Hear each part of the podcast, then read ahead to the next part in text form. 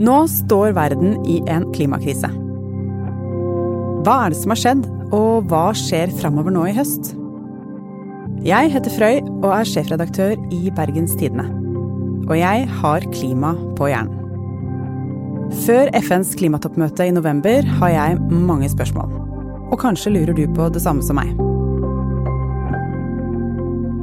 I denne serien snakker jeg med folk som kan gjøre oss alle klokere. Nå begynner klimatoppmøtet i Glasgow. Men hva skal de egentlig forhandle om? Og hvor stressende er det å være Norges sjefsforhandler? Henrik Hallgrim Eriksen er kanskje den som vet aller best hva som skjer når verden samles for å løse klimakrisen. Henrik, du er Norges forhandlingsleder i klimaforhandlingene. Men hva er egentlig jobben din? Jobben min er å være leder for den norske forhandlingsdelegasjonen i klimaforhandlingene når eh, politisk ledelse er der. Det er klima- og miljøministeren som leder delegasjonen den siste uka. Men ellers, første uka og gjennom året ellers, så er det jeg som er forhandlingsleder. Hva betyr ja, hva består det i?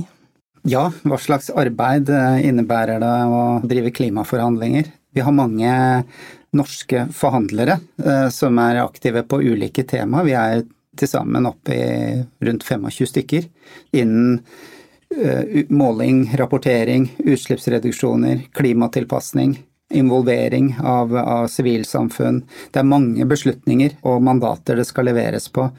Så jeg er da med og leder et arbeid der vi trekker opp norske posisjoner på disse tingene, bidrar inn i arbeidet så godt vi kan og er med og avklarer ting der når det er uenighet, og kanskje man må endre norske linjer hvis situasjonen tilsier det.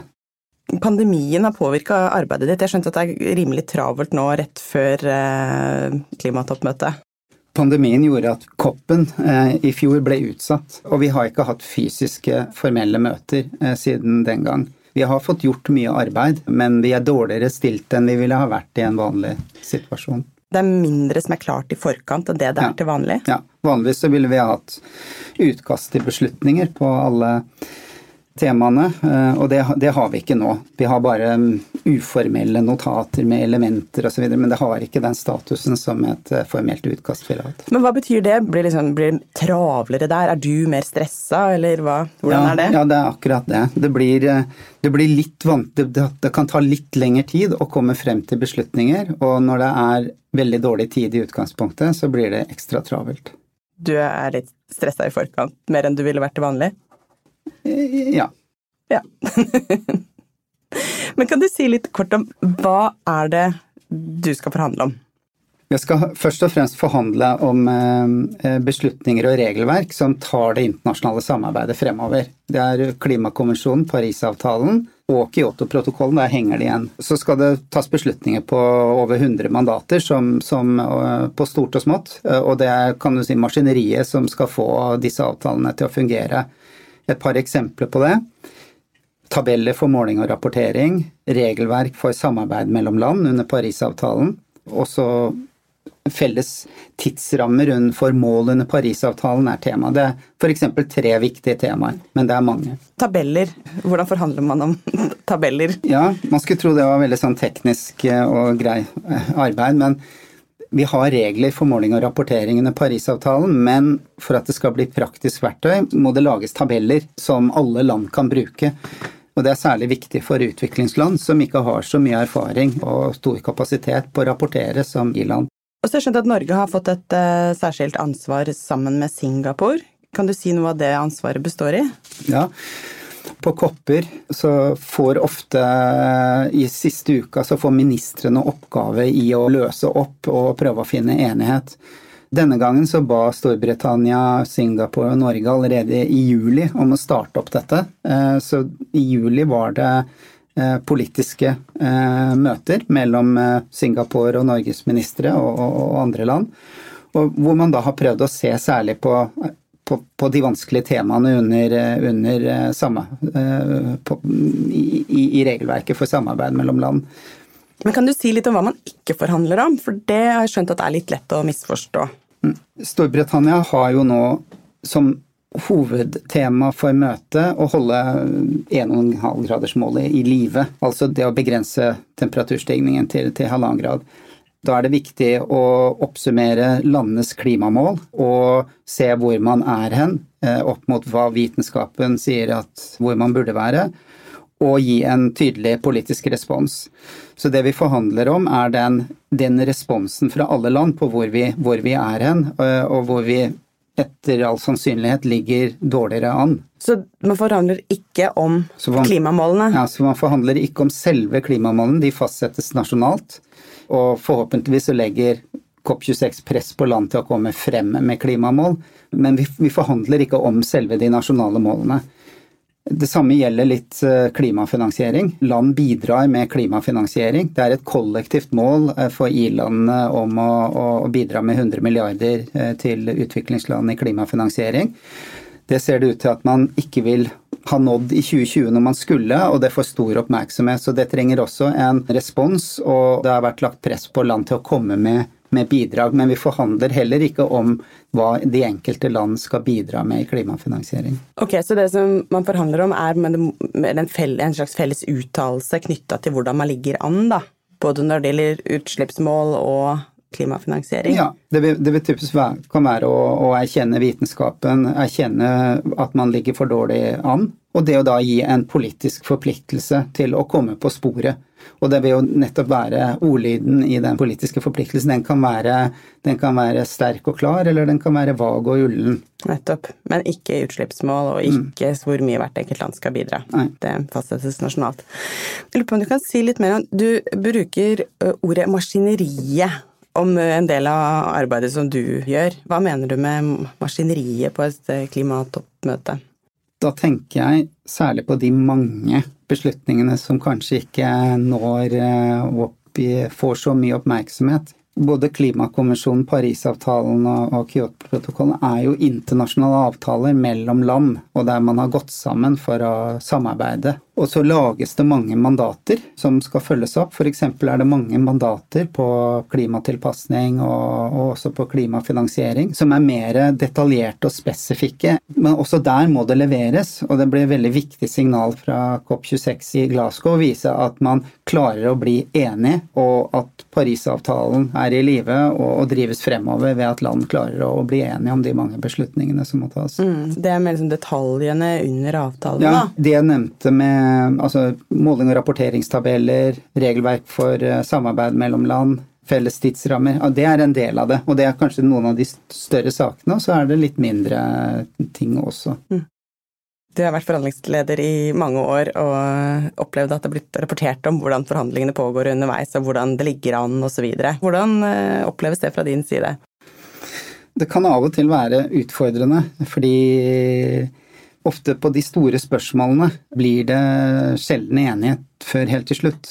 Og det har delvis sammenheng med at eh, det er så mange ulike hensyn eh, som land har det gjør at det er vanskelig å forhandle seg frem til en tekst sånn underveis, og, og man ser hvor det kommer til å ende.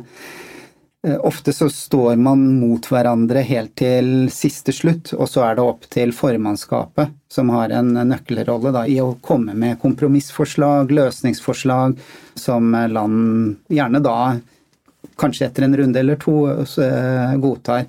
Det gjør jo at det kan av og til bli litt utfordrende å rapportere underveis, siden det, det ofte ser ut som det ikke skjer så mye før helt mot slutten. Mm.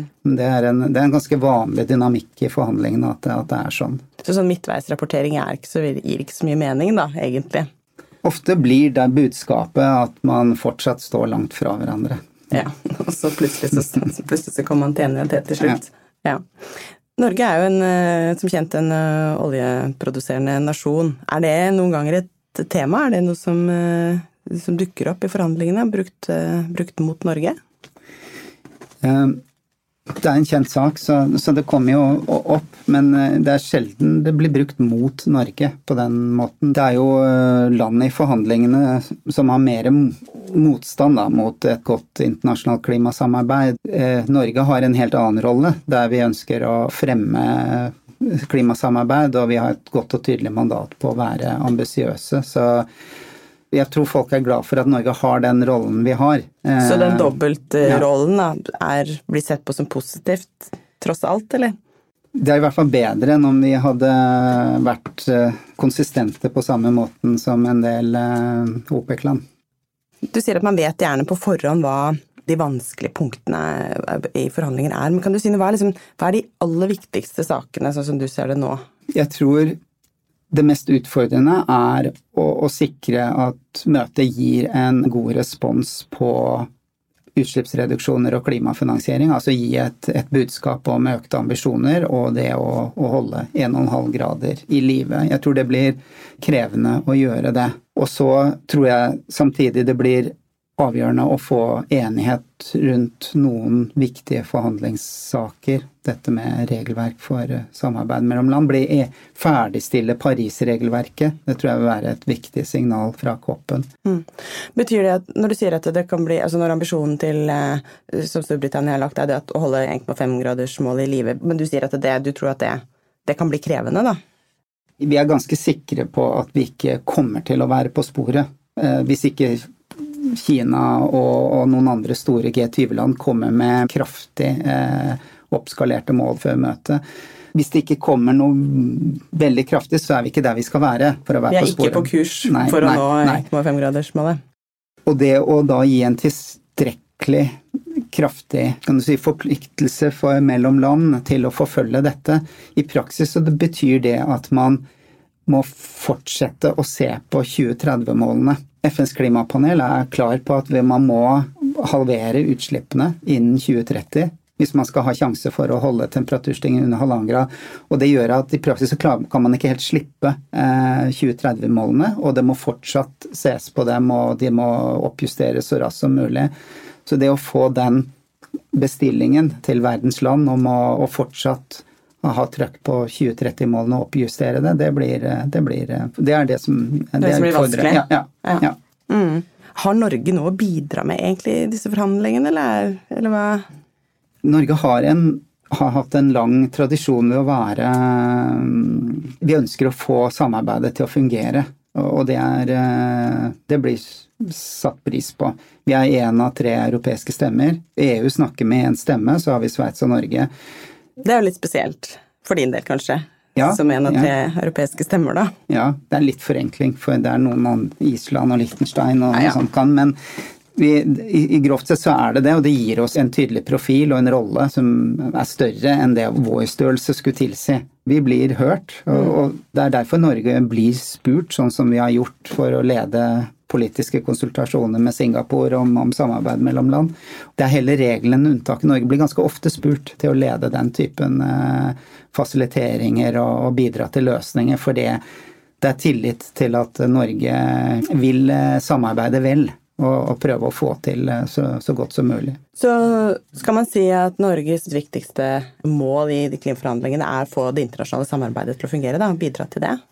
Ja, da må man bidra til at det tas beslutninger, et effektivt system, og samtidig som det bør være så ambisiøst at det møter problemene.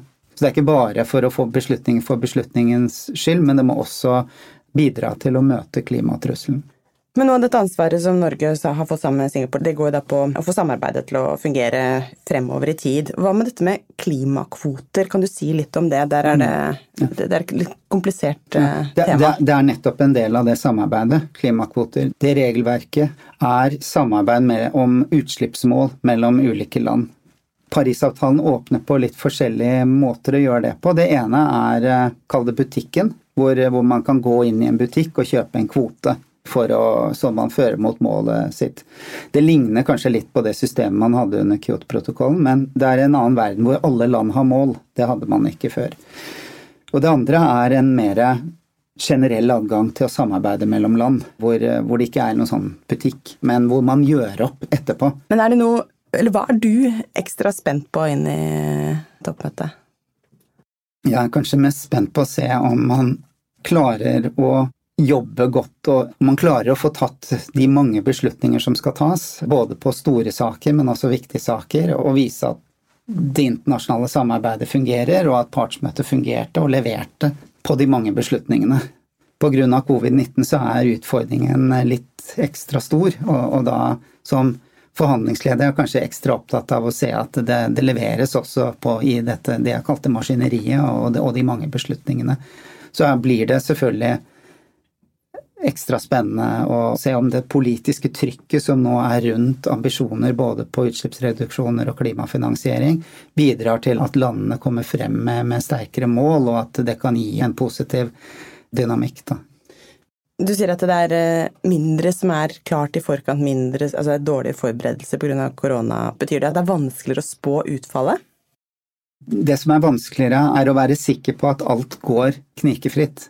Så du er rett og slett litt spent på om det kommer til å gå knirkefritt ja. i Glasgow? Ja. ja. Mm. Mm. Tusen takk for praten, og lykke til med forhandlingene. Takk. Denne episoden er laget av Anna Offstad og Henrik Svanevik. Research var ved Hans Mjelva. Og jeg heter Frøy Gudbrandsen. Sjekk også ut alle de andre podkastene til Bergens Tidende. Lett tilgjengelig i BT-appen.